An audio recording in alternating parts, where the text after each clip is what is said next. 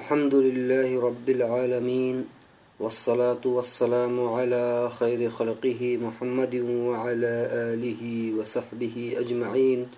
ومن تبعهم بإحسان إلى يوم الدين أما بعد. فقد قال الله تعالى في كلامه المجيد وما آتاكم الرسول فخذوه وما نهاكم عنه فانتهوا. ساتھی دیدی بہنی شروع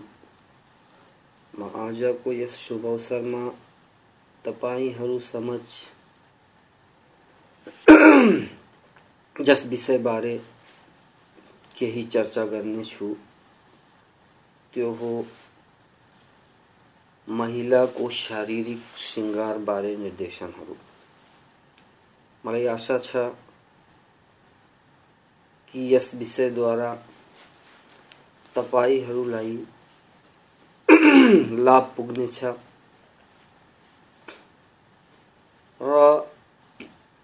اللہ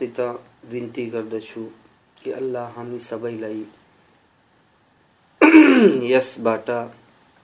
لبانوی ہونے پر اس بیٹھک بھندہ اگھی مہیلا کو درجہ ریستئی اسلام دھرم بھندہ پہلا مہیلا کو درجہ کے تھیو۔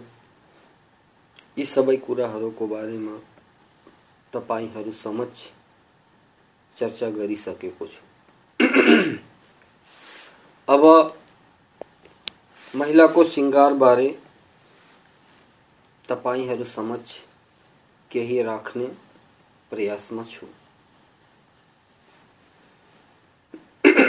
مہیلا ستر جنگ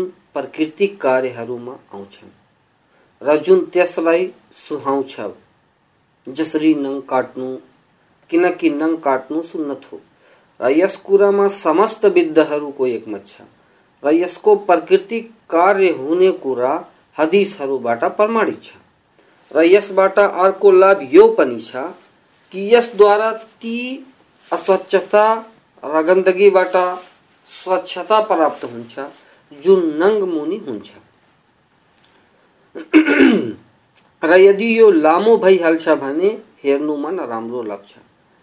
جانور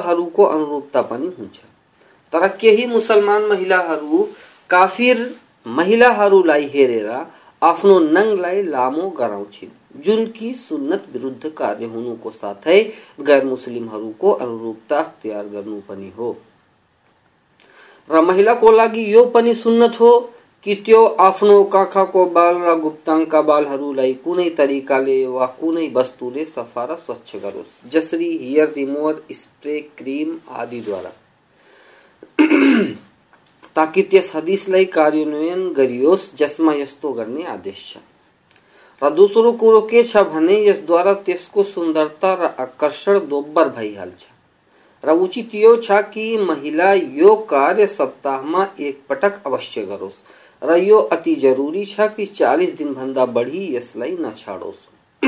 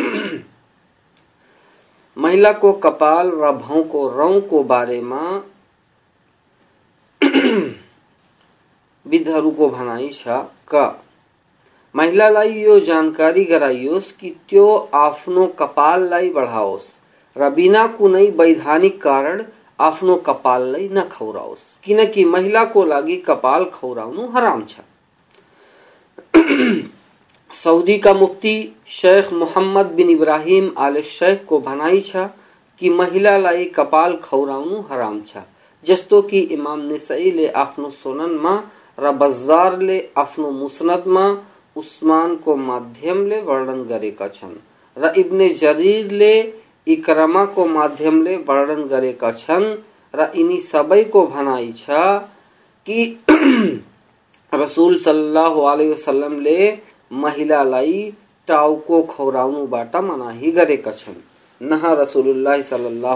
علیہ وسلم ان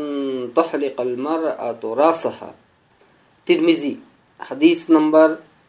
نو سو چودہ۔ نسائی، حدیث نمبر پانچ سو انچاس۔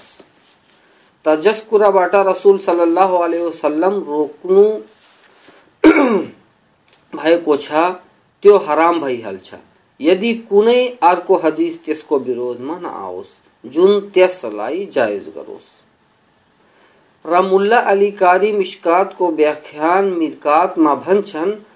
رسول صلی اللہ علیہ وسلم کو یو کتھن انتحلق المرأة راسہا یس کار بھنو بھائیو لٹ مہلا کوندرتا شریر کو اٹ ہو، جسری پروش محمد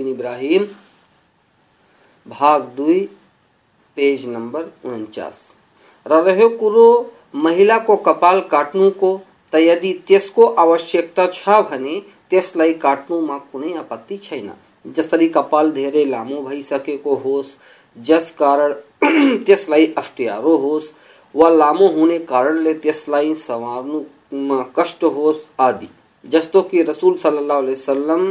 سوگا کی سی کپال کا سلام کو ندن پشچات کو آشکتا باقی رہے تر یعنی کپال کاٹن کو انروپ تاخیر کرنے یستارا پریوش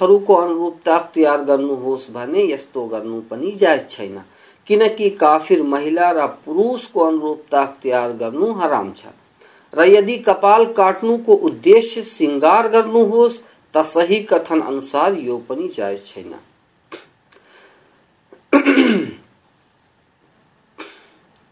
تر میرے دستی میں آپ کو مہیلا پور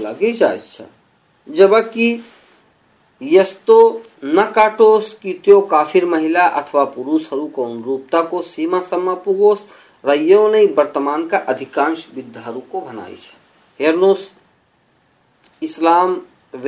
فتو نمبر چھ ہزار دائس نور پر ایک ہزار ایک سو بانوے تیرہ ہزار دو سو اڑچالیس، تیرہ ہزار سات سو چوالیس۔ رفتوا شیخ ابن باز رب محمد صالح المنجد کو اتر اسلام سوال جواب میں پرشن نمبر تیرہ ایک لاکھ انتالیس ہزار چار سو چودہ۔ رفتوا شیخ محمد بن صالح العثیمین کیسٹ نمبر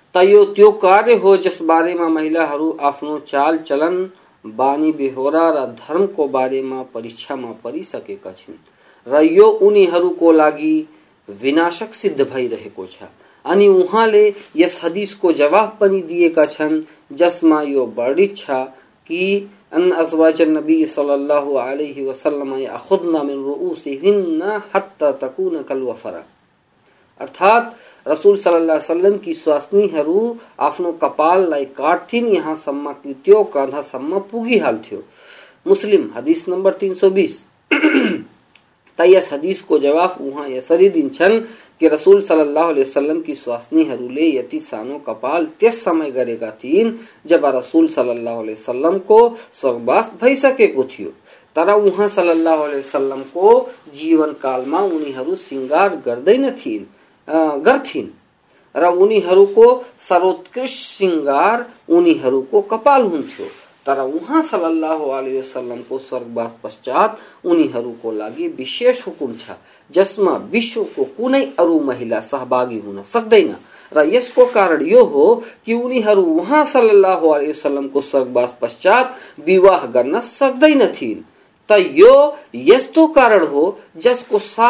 سکث منا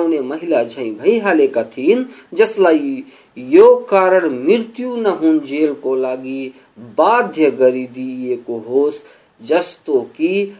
ہو فرم چس کو ارد ہو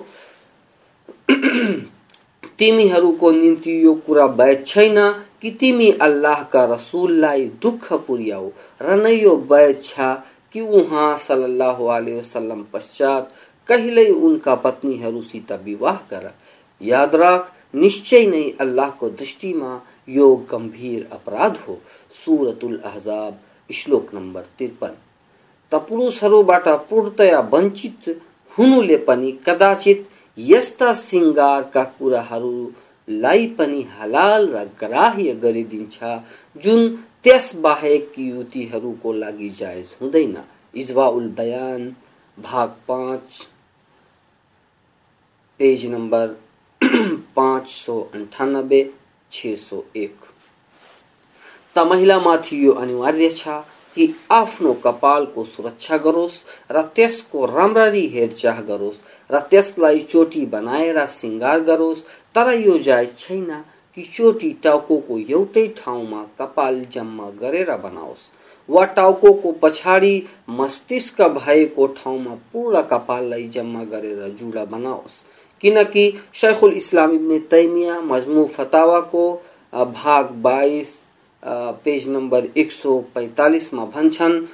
جسوال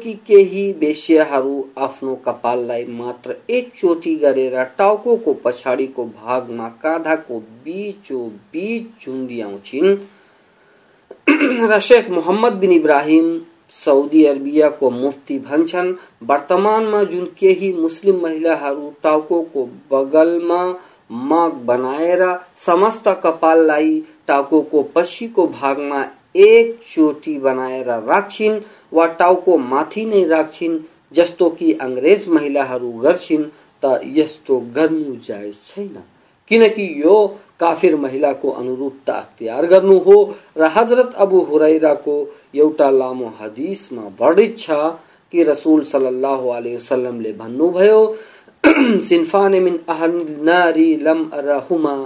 قوم معهم سيات کا بالبقر يضربون بها الناس ونساء كاسيات عاريات مائلات مميلات رؤوسهن كأصنمة البخت المائلة بخت المائلة لا يدخلن الجنة ولا يجدن ريحها وإن ريحها ليوجد من مصيرة كذا وكذا۔ ارتھات دوی پرکار کا نرکواسی ہرولائی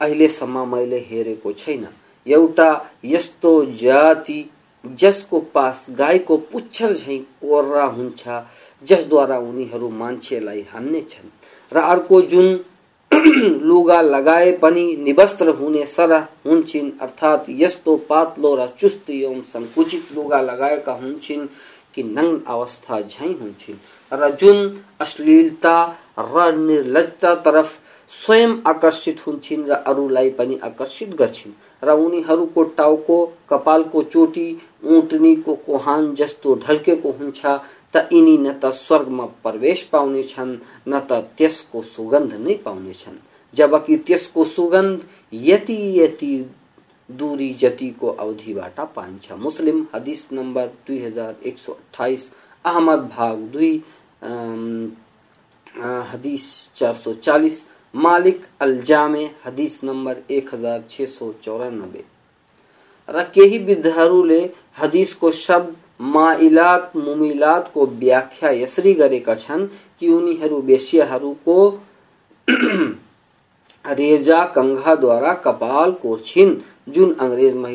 ہرو کو پنی کنگھا ہو، تا جن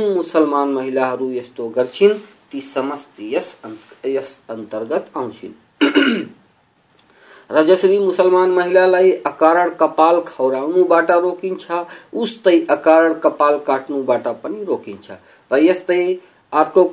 لگن روکی جس لان مہیلا بازار لگا چی بے مسلم رسول اللہ صلی اللہ وسلام અર્થાત કપાલ લઈ જોડને વાલી ર જોડાવને વાલી દુબઈમાંથી રસૂલ સલ્લાહ વસલમ ને ધિક્કાર પઠાએ કછન بخاری حدیث نمبر پانچ ہزار پانچ سو ترانبے مسلم حدیث نمبر دو ہزار ایک سو چوبیس ترمیزی حدیث نمبر ایک ہزار سات سو انسٹھی نسائی حدیث نمبر پانچ ہزار پنچانبے ابو داود حدیث نمبر چار ہزار ایک سو اڑسٹھی ابن ماجہ، حدیث نمبر ایک ہزار نو سو ستاسی، احمد بھاگدوئی، حدیث اکیس۔ حدیث کو شبد واسیلا کو ارتھ ہو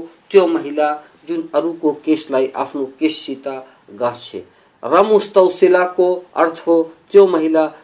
جن یس کار لائی گر چھے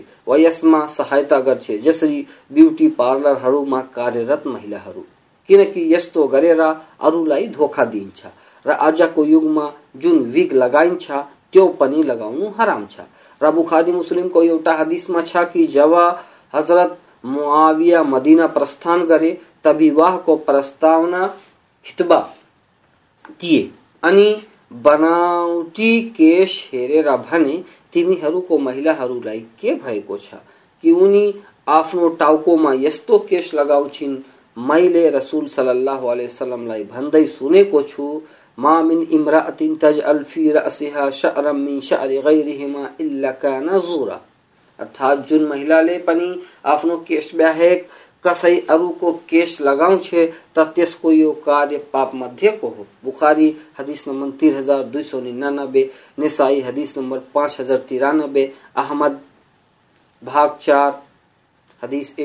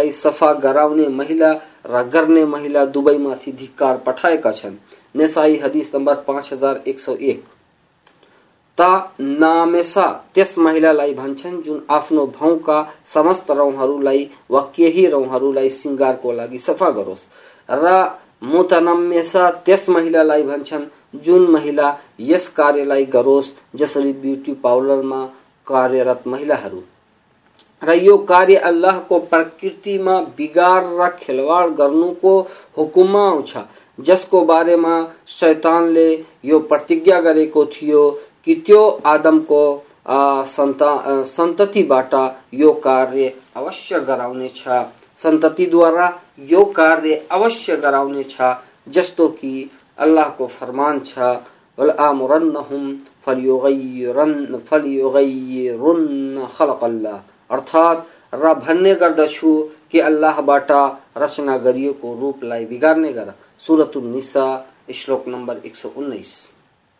رسحی بخاری ما ابن مسعود دوارا بڑی چھا کہ رسول صلی اللہ علیہ وسلم لے بھنو بھیو لأن اللہ الواشمات والمستوشمات والنامسات والمتنمسات والمتفلجات للحسن المغیرات خلق اللہ عز و جل اللہ کو دھکار چھا، گودنا گوداؤنے ہرو ماتھی را گودنا گودنے ہرو ماتھی ربھوں کو رو کھولنے اکھیلنے والی ماتھی ربھوں کو رو اکھیلوانے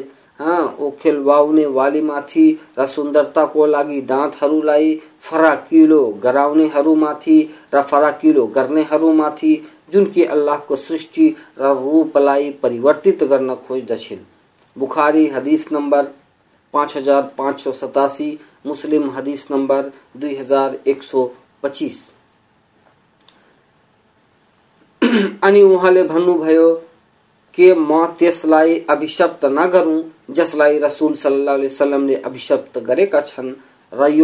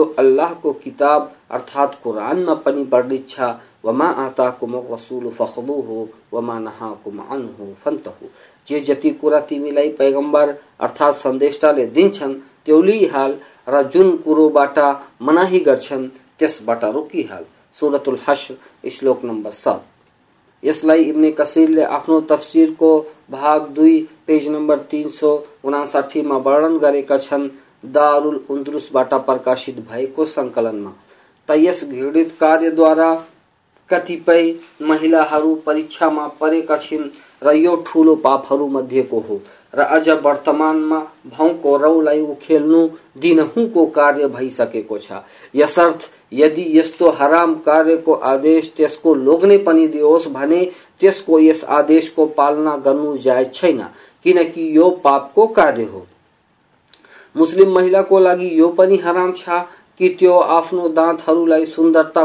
فراک کراس ارات مشین دارا وا ارکائے دانت دوری کرائیوس تاکہ ہرنے دات سندر پرتھ تر یعنی دات میں کون روگ وس میں تتنے مشین آدی شروع میں آپتی چین کی یسوکس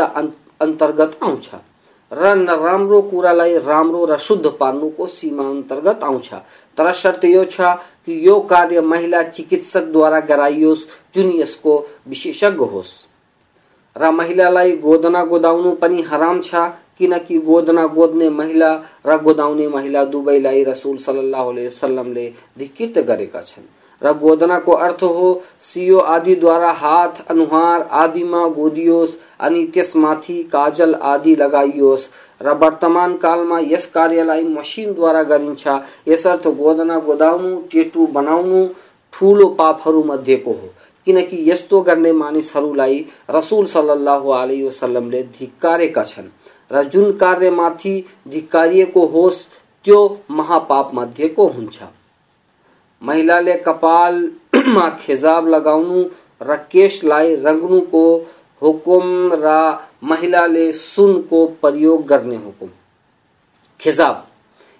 امام نووی رحمہ اللہ مجموع کو بھاگ ایک پیش تین سو چوبیس ماں بھنچن وواہت مہیلا کو لاگی ہاتھ را پائلا ماں مہدی لگاؤنو مستحب اتم کاری ہو کنکی تھپرے حدیث ہرو یس ماتی پرماڑی کرڑ گردچن را وہاں کو سنکیت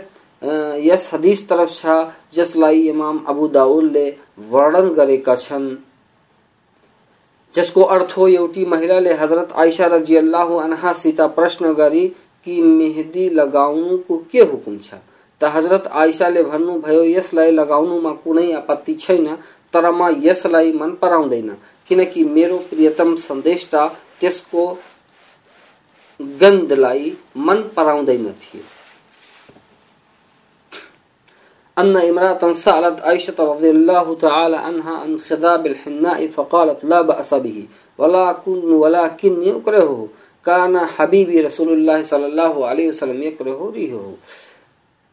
نسائی حدیث نمبر پانچ ہزار نبے ابو داود حدیث نمبر چار ہزار ایک سو چونسٹھی احمد بھاگ چھ، حدیث گیارہ۔ را نسائی میں حضرت عائشہ واٹئی ورڈی چھا کی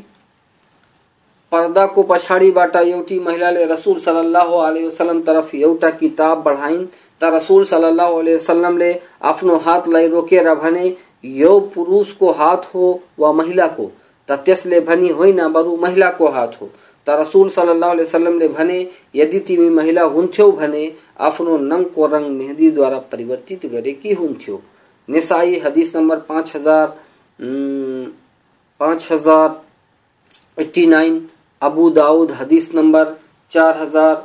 ایک سو چھٹی احمد بھاگ چھ، پیج دو سو باسٹھ۔ ترا مہندی لائی یستو، پریوگ نہ گریوس، کیتیو ننگ ماتھی جموس جسلے گردا تیو پوترتا گرہڑ گرنا نہ سکوس۔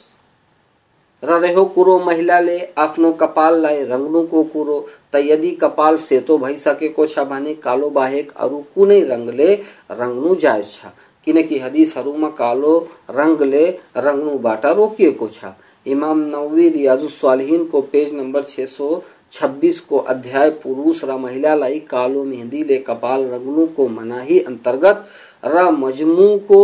بھاگ ایک پیش 324 میں پنی استی ادگار بیکت گرنو ہنچا کی کالو رنگ لے کپال لائن رگنو کو مناہی ما را دبئی بیچ کو بھنتا چھائینا یہ کور کا رگ میں رنگن کو میرا دشن کنک رنگ کپال کو سندرتا ہو نہمر کور ہوئی کن رنگ میں رنگن کو آوشکتا چرک کور کے رگ میں رنگن کافی بھائی سمجم مہیلا کو لگی سن کو ابوشن کو ایک متنی تر مہیلا کو لگی یہ جائز چین کی مہریم ریشتے دار باہر کون ارو پروش سمجھ اپنا شروع شارے کو پردن کروس۔ بر تیس می آشک چ